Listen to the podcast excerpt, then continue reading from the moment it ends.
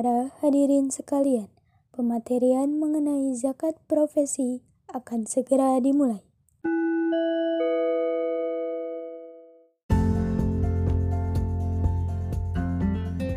Hai, Assalamualaikum warahmatullahi wabarakatuh. Sebelumnya kita kenalan dulu yuk. Perkenalkan, nama saya Isfadila Nur Azhara dengan NIM 2004197 dari program studi Ilmu Ekonomi dan Keuangan Islam Universitas Pendidikan Indonesia.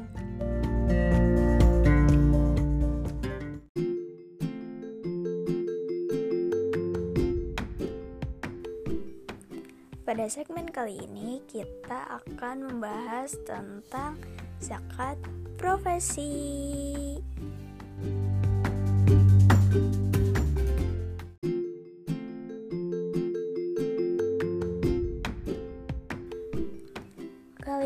Gak sih, setiap profesi yang kita kerjakan itu sebenarnya ada zakatnya loh. Sesuai dengan Quran surat At-Taubah ayat 103 yang artinya ambillah zakat dari harta mereka guna membersihkan dan menyucikan mereka dan mendoalah untuk mereka. Sesungguhnya doa kamu itu menumbuhkan ketentraman jiwa bagi mereka. Dan Allah maha mendengar lagi maha mengetahui Zakat profesi ini dikeluarkan apabila telah mencapai nisabnya. Sebenarnya, zakat profesi adalah masalah yang baru, tidak pernah ada dalam sepanjang sejarah Islam sejak masa Rasulullah Shallallahu Alaihi Wasallam hingga tahun 60-an terakhir. Lalu pada abad ke-20 yang lalu, muncullah gagasan zakat profesi ini yang digagas oleh Syekh Yusuf Qaradawi dalam kitabnya Fikih Az-Zaka yang cetakan pertamanya terbit tahun 1969.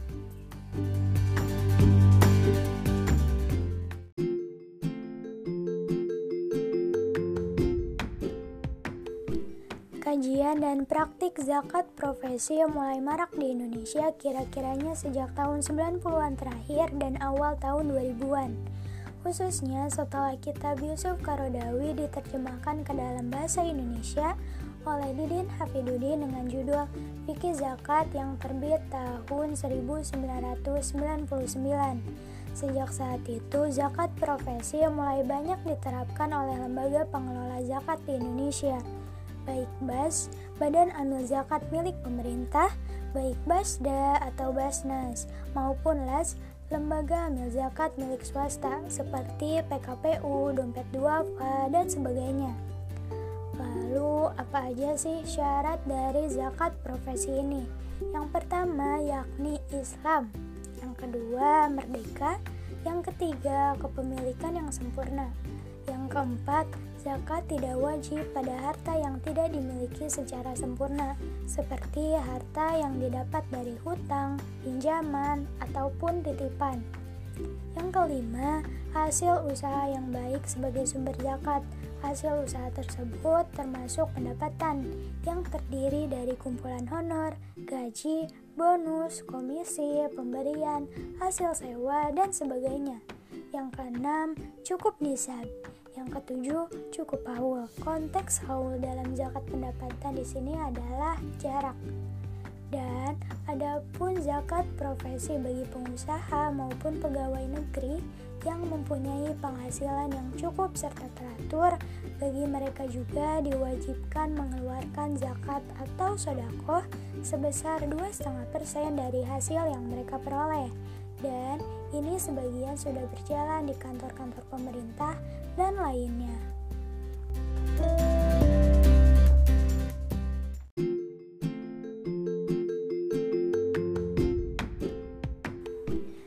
Nisab merupakan batas minimal atau jumlah minimal harta yang dikenai kewajiban zakat.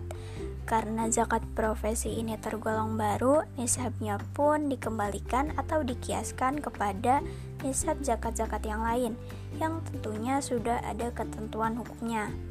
Ada dua kemungkinan yang dapat dikemukakan untuk ukuran nisab zakat profesi ini. Yang pertama disamakan dengan nisab zakat emas dan perak, yaitu dengan mengkiaskannya kepada emas dan perak sebagai standar nilai uang yang wajib dikeluarkan zakatnya, yakni 20 dinar atau 85 gram emas.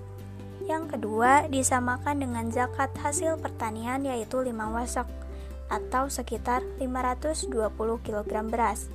Zakatnya dikeluarkan pada saat diterimanya penghasilan dari profesi tersebut.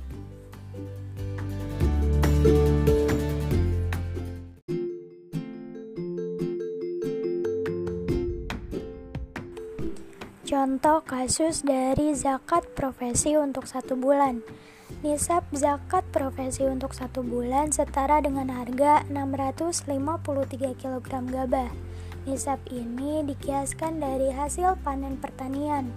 Zakat pertanian dibayarkan setiap kali panen, seperti halnya zakat profesi yang dibayar per bulan. Namun, kadar zakatnya sejumlah 2,5% dari total pendapatan. Misalkan harga 1 kilo gabah sebesar Rp6.000, maka nisabnya 653 kg dikali 6.000 sama dengan Rp3.918.000. Contoh perhitungannya, Pak Jata memiliki pendapatan per bulan sebesar 5 juta. Pak Jata ingin membayar zakat profesi pendapatan Pak Jata telah mencapai nisab dan bisa membayar zakat profesi. Perhitungannya 5 juta dikali 2,5% sama dengan 125.000. Jadi jumlah zakat yang harus dibayarkan Pak Jata setiap bulannya adalah sebesar Rp125.000. Ada pula contoh lain yakni seorang montir bengkel Pak Janu yang memiliki pendapatan sebesar 3 juta rupiah per bulan. Jumlah pendapatannya setiap bulan tidak mencapai nisab harga 653 kg gabah, maka Pak Janu tidak diwajibkan membayar zakat penghasilan.